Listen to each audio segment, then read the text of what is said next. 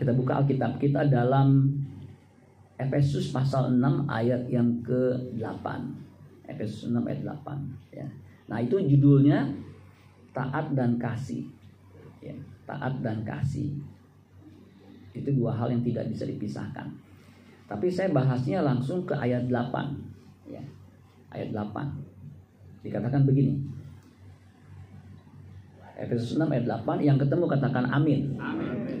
Kamu tahu ya, bahwa setiap orang baik hamba maupun orang merdeka kalau ia telah berbuat sesuatu yang baik ia akan menerima apa?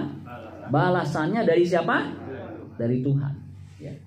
jadi Paulus menulis kepada jemaat Efesus ya, di ujung tengah akhir dari suratnya ini ya, dia bilang kamu tahu bahwa setiap orang, kemudian setiap orang ini dia uh, jelaskan baik dia hamba, budak, budak waktu itu tidak berharga di mata manusia, ya, maupun orang merdeka, ya, orang merdeka, orang bebas. Ya.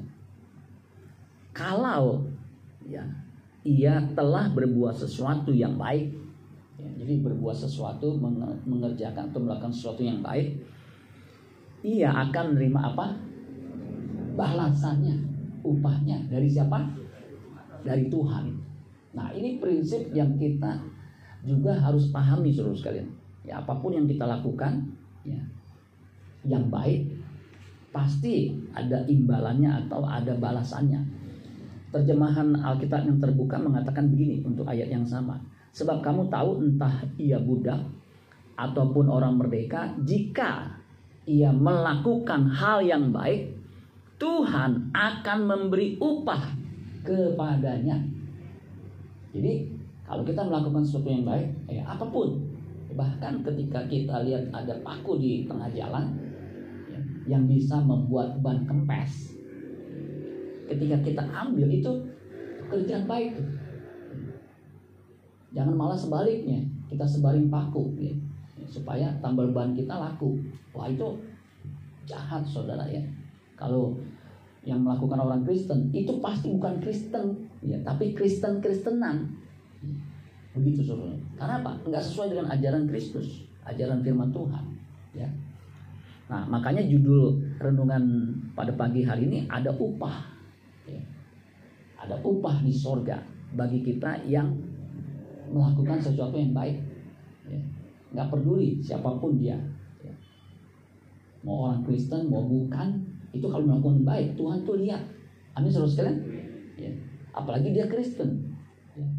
Yesus berkata akulah pokok anggur bapakkulah pengusahanya jadi bapak itu pengusaha dia tahu memberi upah kepada pekerja-pekerjanya ya. nah ini kita mesti camkan begitu saudara sekalian di Roma 4 ayat 4 kalau ada orang yang bekerja upahnya tidak diperhitungkan sebagai hadiah tetapi sebagai haknya. Jadi Paulus juga menekankan kepada jemaat Roma kalau pekerja dia bekerja upahnya itu tidak diperhitungkan sebagai hadiah.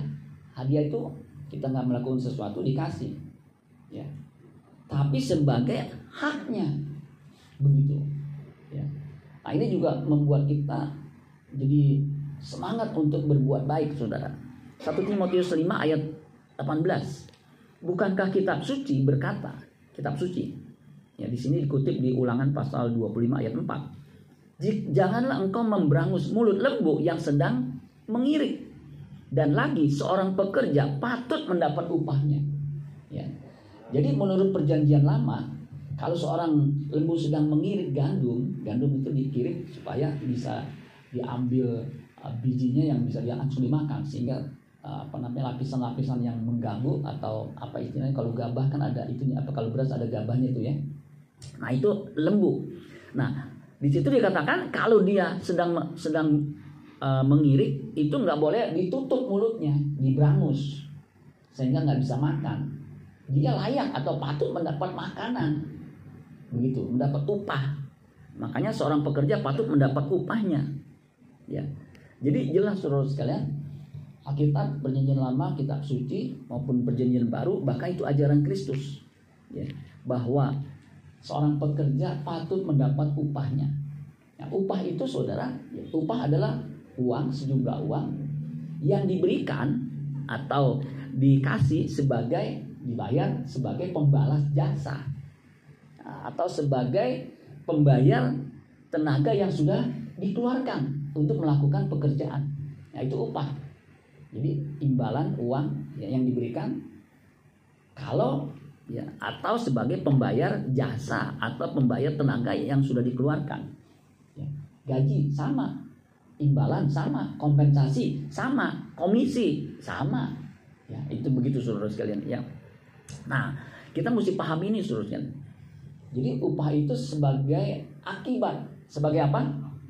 Akibat. Ketika kita melakukan sesuatu, akibatnya nah, itu adalah upahnya, begitu. Memang kita kalau melayani jangan melihatnya duit-duit gitu. Kalau nggak ada duitnya kita nggak melakukan. Nah, itu salah. Ya.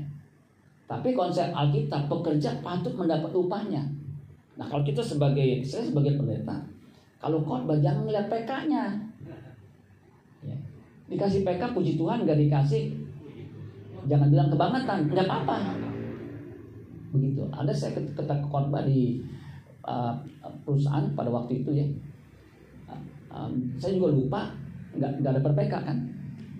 Uh, kemudian dia, WA Pak maaf Pak, PK-nya di saya ketinggalan. Ya udah nggak apa-apa saya bilang. Ya. Jadi nggak masalah, tinggal ditransfer betul nggak sekarang kan? Gitu. Jadi jangan sampai kita melayani menuntut imbalan, nah, itu nggak boleh. Tetapi Alkitab mengajarkan kalau kita melakukan sesuatu yang baik, pasti mendapat upah. Nah, kata upah di Efesus 6 ayat 8 itu komiso. Komiso itu kan ada kata komisi, betul nggak? Komisi itu kan kalau kita memberikan jasa, misalnya ada orang yang butuh uh, bantuan untuk menjualkan rumahnya. Nah, kita kasih kita cari tahu pembelinya, kemudian kita kasih tahu bahwa ini ada rumah mau dijual sekian. Ya. Nah, di Pondok Indah tuh saya lihat banyak ya.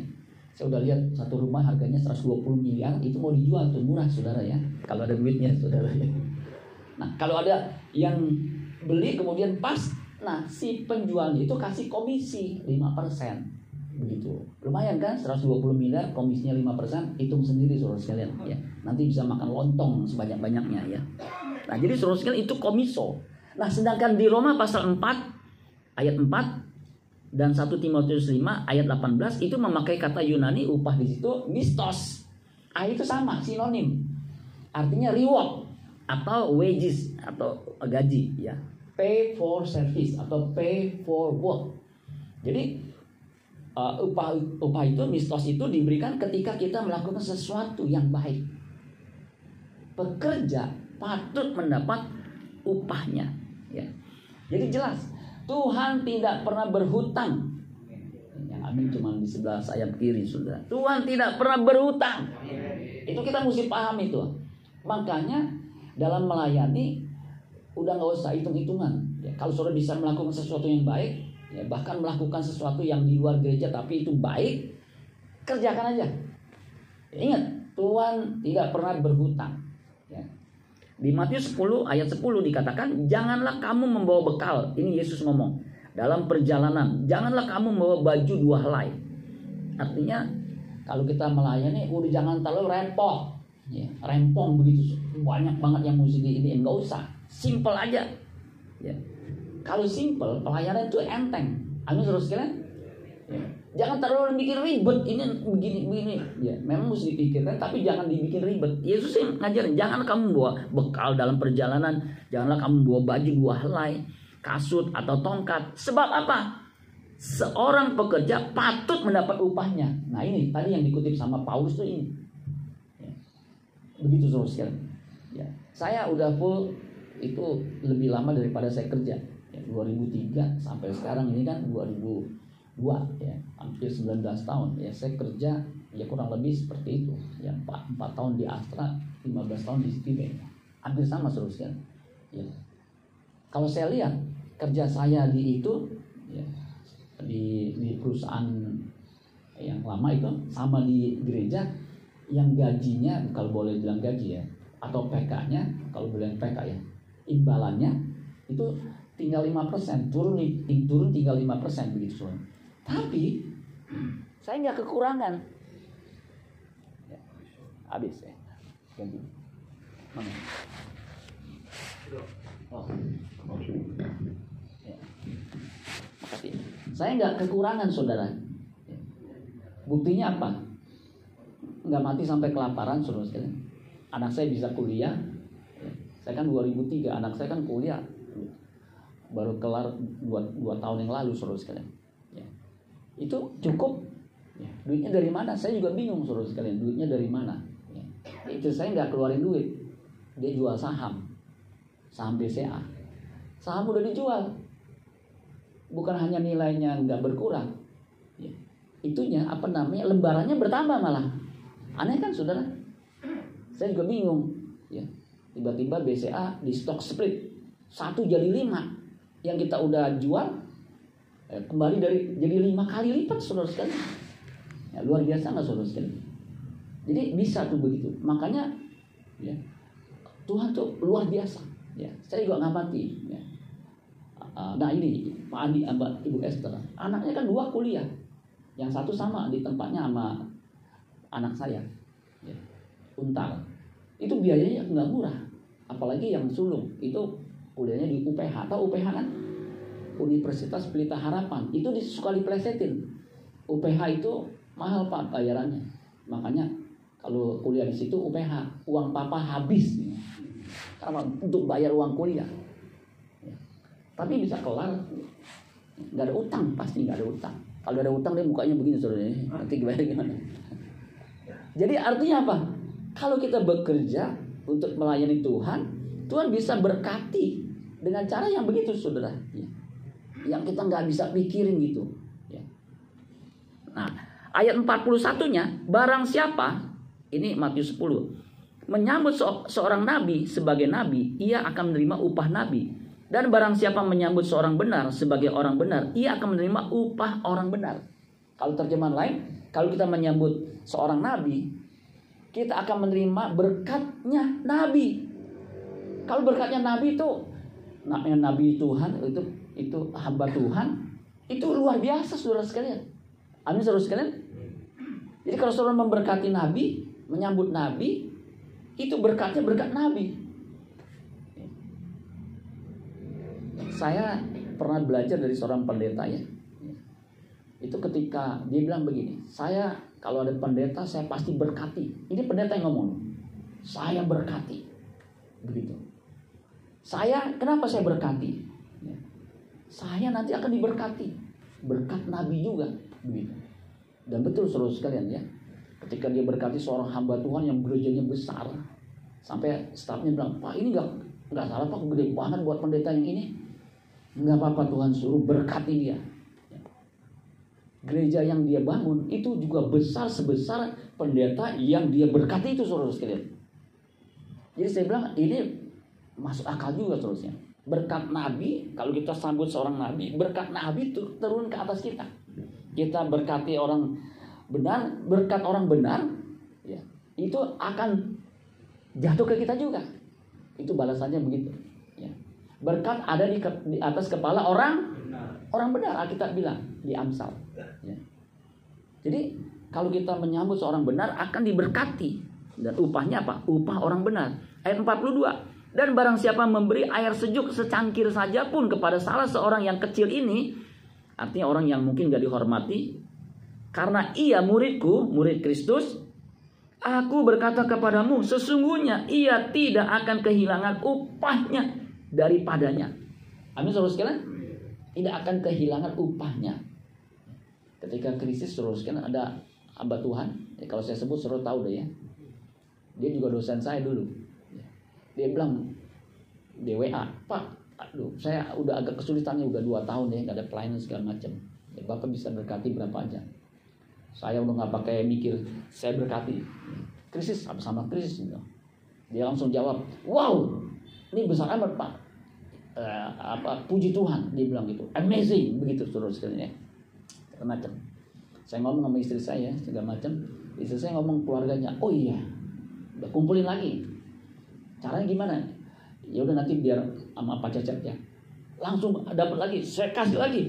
Wow, ini luar biasa, amazing, uh, beyond expectation, begitu soalnya. Jadi dia juga surprise juga begitu. Ya, saya berkati lagi. Karena memang kita tergerak terus sekalian. Tuhan itu tidak pernah berhutang. Ya. Gak lama kemudian saya diberkati lebih banyak lagi dari yang saya saya kasih suruh sekalian. Jadi Tuhan gak akan pernah berhutang. Ya hambanya udah keluarin gitu, dia juga kan butuh duit, betul nggak? Pendeta kan butuh duit juga. Untuk beli bensin kan nggak bisa pakai bulu ketek nih bayar. Nggak bisa, betul nggak? Saya tetap mesti bayar. Apalagi sekarang. Dulu kan 250 ribu udah cukup seminggu. Sekarang kan mesti 300 ribu. Karena udah naik. Begitu sudah. Kemarin banyak kempes. Waktu habis rapat KPBI. Saya mau pulang. Pak Endang. Kempes pak. Tadi lagi rapat saya mau ngomong nggak enak. Ya udah malam lagi saudara ya. Untung dia bisa gantiin suruh sekalian. Saya bilang sama istri saya nih kempes nih. Ya udah ganti. Mau mau mesti diganti betul nggak?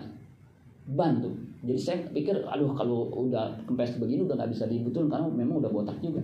Ganti. Satu ban itu 1,2 dua.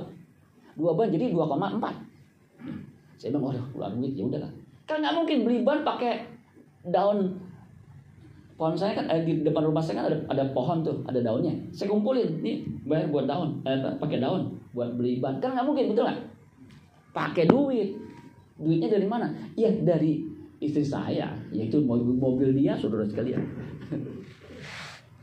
bayar. Saya bilang, ya ini lagi mesti bayar ini, duit bayar ini, keluar lagi duit lagi ya. Kos-kosan kosong saudara ya, banyak yang kagak bayar lagi begitu ya. Udah ya. Hari apa tuh ya? Istri saya iseng-iseng eh, cek HP saya. Memang istri kalau pintar nyari duit tuh bisa aja ya. Dicek ada yang transfer 5 juta. Wah, cukup dong tuh buat bayar itu saudara. Ban, betul nggak saudara sekalian? Lebih malah. Ya. Jadi saudara sekalian pekerja patut dapat upahnya. Kalau kita melakukan sesuatu yang baik, Tuhan tidak pernah berhutang. Ya. Nah, ayat 42, barang siapa tadi itu ya? Aku berkata kepadamu kalau beri air sesejuk kepada orang kecil dia murid. Aku berkata kepadamu sesungguhnya ia tidak akan kehilangan upahnya daripadanya. Jadi Tuhan tidak pernah berhutang. Nah dengan mengerti seperti ini mendorong kita untuk tidak jemu-jemu berbuat baik. Ya. Galatia 6 ayat 9 sampai 10. Janganlah kita jemu-jemu berbuat baik. Kenapa? Karena apabila sudah datang waktunya, kita akan menuai jika kita tidak menjadi lemah. Karena itu perhatikan, selama masih ada kesempatan bagi kita, marilah kita berbuat baik, baik kepada semua orang tetapi terutama kepada kawan-kawan kita seiman. Berbuat baik kepada semua orang. Nih ibu culan kan bisa gunting nih. Ya. Ada orang yang nggak bisa jalan keluar, dia guntingin rambutnya. Ya. Begitu ya. Saya pernah tanya, ini siapa yang gunting? Itu ibu culan. Ya. Kalau ada yang ini dia bantu. Nah itu tuh perbuatan baik yang dia bisa lakukan. Saya bilang bagus, lanjutkan. Apa pun yang kita bisa kerjakan, kerjakan. Tuhan bisa berkati dengan berbagai macam cara. Berkat-berkatnya itu gak usah dipikirin gimana cara berkatnya ya. Gak usah. Begitu seluruh sekalian. Ya. Karena apa? Tuhan tidak pernah berhutang. Makanya kita harus paham. Siapa menaruh belas kasihan kepada orang lemah memintangi Tuhan. Artinya memberi pinjaman kepada Tuhan. Ya. Yang akan membalas perbuatannya. Kalau terjemahan lain Amsal 19 ayat 17 menolong orang miskin sama saja dengan memberi pinjaman kepada Tuhan. Dan ia, maksudnya Tuhan, akan memberi bunga yang tinggi untuk pinjaman itu. Ya, jadi kita jangan sampai ya, kita kendor dalam berbuat baik. Tuhan pasti memberi bunga tinggi ya, kepada siapa yang berbuat baik. Tapi kita melakukan perbuatan baik itu bukan karena mau supaya nanti ah diganti nih. Jangan. Itu namanya enggak tuh nggak tulus. Jadi kalau orang dia bisa gantiin gue nggak bisa. Itu jangan begitu. Saya pernah khotbah tentang kasih. Kalau kita berbuat kasih, jangan nanya-nanya. Misal orang udah tabrak jatuh nih, ya nggak ada orang yang datang, yang nolong begitu. Kita datengin. Kita gak usah nanya-nanya, tolong aja. Gak usah nanya, Bapak Kristen atau Muslim? Kristen, Kristennya Katolik atau Protestan? Protestan, Protestan itu. Pantai Costa ini gereja mana? Betel bukan? Bukan. Gereja Betel Pembaharuan. Oh itu yang pendetanya bunuh orang. Iya, nah, itu saudara. Gak usah nanya keburu mampus. Langsung aja tolong kalau bisa. Amin saudara sekalian. Saya pernah ini udah, udah cukup lama saudara sekalian. Waktu dokter Rudi masih praktek tuh. Ada dua orang sore itu. Sore entah gimana saya uh, jalan sore begitu ya. Saya lihat dia nunggu di ujung jalannya dokter Rudi itu di jalan saya begitu. Saya lihat saya senyum kan begitu kan. Saya balik dia masih ada. Saya bilang, Om sama tante mau ke mana? Pulang. Ada yang jemput? Enggak. Mau naik apa? Naik bajai. Di sini mah aja bajai mah jarang saya bilang. Iya nih dari tadi. Ya udah tunggu sebentar. Rumah saya kan kan di ujung situ cuma tiga rumah. Itu kan nomor 10, 11 kira 12. Tunggu aja di situ. Saya keluarin mobil. Eh dia jalan tuh. Kan dia liatin saya. Yuk naik. Saya anterin sampai situ Malaka. Malaka yang mau ke McDonald sana tuh. Ya. Nanti kasih unjuk aja jalannya. Ya. Sampai rumah dia mau kasih duit. Saya bilang nggak usah. Dikira gue taksi atau waktu itu belum belum ada ojol begitu. Buat sama tante aja. Saya pulang. Ya. Karena saya nggak ada kerjaan, nggak ada nggak ada yang sesuatu yang urgent. Ya saya lakukan aja begitu.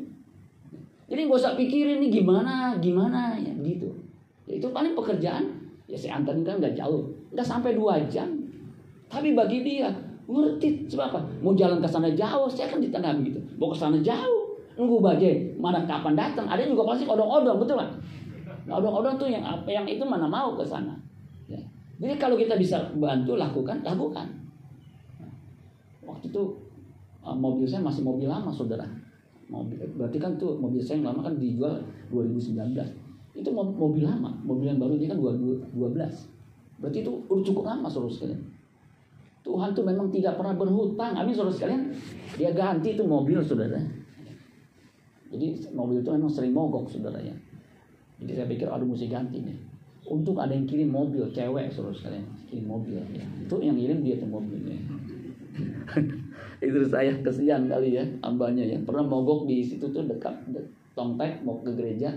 Ya mogok mam jadi gimana? Ya lu dorong. Dia dorong saudara. Saya bilang dia kan nggak bisa nyetir. Kalau kalau saya dorong bukannya ke pinggir malah ke tengah saudara ya. Dia dorong. Saya bilang ini kuat banget nih orangnya bini gue ya udah bukan keturunan Simpson pas saya lu kuat amat nggak taunya sebelah itu ada yang bantuin malaikat saudara sekalian malaikatnya bilang pak komisinya dong saya kasih itu jadi seterusnya pokoknya kalau bisa berbuat baik lakukan saja. Amin. Ayat terakhir Amsal 3 ayat 27 habis ini Ibu Culan. Janganlah menahan kebaikan daripada orang-orang yang berhak menerimanya. Padahal engkau mampu melakukannya. Jadi kalau kita mampu melakukannya ya untuk menolong orang, lakukan aja. Jangan tahan-tahan. Amin saudara sekalian. Saya pernah khotbah saudara ya. Saya tahu khotbah di situ nggak ada PK-nya ada hamba Tuhan. Saya kok pas mau khotbah jadi gelisah. Gelisahnya ini kenapa ya bisa begini kan nggak nyaman ya. Mau khotbah gelisah bagaimana nanti ya? Itu saya bilang, aduh ini ada hamba Tuhan mau diapain ya? Maksudnya mau gimana ya? Berkati, berkati. Saya berkati gimana ya?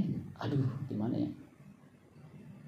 Akhirnya singkat cerita, udahlah. Saya bilang nanti habis selesai aja deh. Saya bilang saya berkati, begitu. Ah itu baru saya tenang tuh. Selesai khotbah, saya langsung ke WC, saya masukin ya, duit gitu susunnya supaya lebih rapi dikit ya. Saya berkati ini Pak, ada berkat Tuhan buat Bapak. Ya. Eh dia bilang gini, aduh Pak, saya mau pulang ke waktu itu ke Manado atau mana gitu ya. Uangnya kurang Pak, eh puji Tuhan. Saya bilang ini buat Bapak. Jadi ternyata Tuhan tuh kayak pengusaha. Ini lu kasih dia dong nih, dia lagi kurang. Begitu solusinya. Padahal duit saya juga gak banyak-banyak amat teruskan kan di kantong begini nggak banyak ya. Jadi saya berkati begitu. Jadi kalau kita ada bisa melakukan, ya saya kan pulang bisa pakai mobil masih ada kan, ya bensin kan masih cukup. Nah dia kan butuh duit, betul nggak saudara sekalian? Nah jangan tahan. Sebab apa? Tugas kita tuh. Udah nggak usah tahan deh, begitu. Kalau saya mau, mau apa? Bukannya gini, saya gelisah, jadi kan nggak bisa khotbah. Saya nggak bisa tahan, betul nggak? Kalau saya saya tahan, Nanti saya khotbah gimana? Lupa semua ayat-ayatnya. Gitu. Nah, pas saya kasih, nah, saya sejahtera tuh.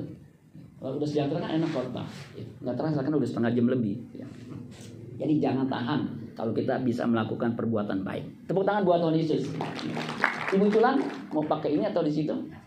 Situ aja. Ya silahkan Ibu Culan. Ya. Shalom saudara-saudara. Shalom. Saya, saya ngomong bukan berarti untuk menjatuhkan, bukan. Yang penting kita berpikir negatif aja supaya kita diselamatkan sama Tuhan. Iya, mau positif gitu. eh, sebelumnya saya nggak ngucapin firman Tuhan dulu, saya ngimpi.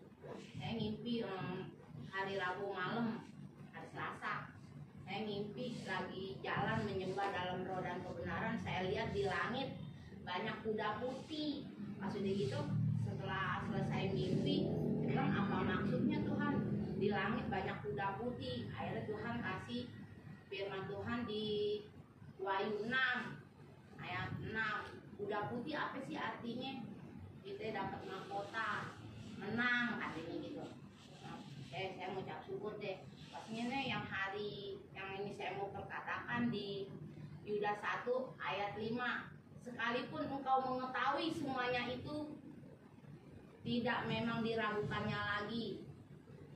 Aku akan mengingatkan kamu bahwa Tuhan menyelamatkan umatnya dari bangsa Mesir. Tetapi sekali lagi Tuhan akan membinasakan bagi orang yang tidak percaya kepada Tuhan amin begitu doang Ah, ya, puji Tuhan sosialnya. jadi hidup kita mesti percaya sama Tuhan. Tuhan udah kasih keselamatan yang kekal. Amin. Jangan bimbang, jangan ragu-ragu, jangan pakai akal budi. Ya udah gitu doang. Kak. Amin. Tepuk tangan buat Tuhan Yesus. Haleluya. Ah, sebenarnya ada lanjutan lagi, cuman karena waktu ya sampai di sini saja. Ya. Mari kita bangkit berdiri saudara sekalian. Barang siapa menang, dia akan diberikan mahkota. Amin saudara sekalian. Dia akan diberikan kuda-kuda. Kalau pada zaman Romawi, pada zaman Yesus itu, kalau raja-raja pangeran itu kudanya kuda putih ya, begitu kuda putih ya, ketika dia menang perang itu kuda ya, yang ngangkut itu pahlawan-pahlawan itu orang-orang pada sebarin itu ya, uh, daun palem segala macam untuk dilewati untuk memasuki uh, pintu gerbang dan apa di, di, di, di, apa, dimuliakan diberikan mahkota. Nah sama kita juga begitu ya dalam dunia ini kita melakukan peperangan peperangan rohani. Nanti ketika pulang saudara naik kuda putih bukan kuda lumping. Kalau kuda lumping saudara nggak naik. Ini begini nggak nyampe di pintu gerbang surga saudara ya. Nah dikasih kuda sama mahkota.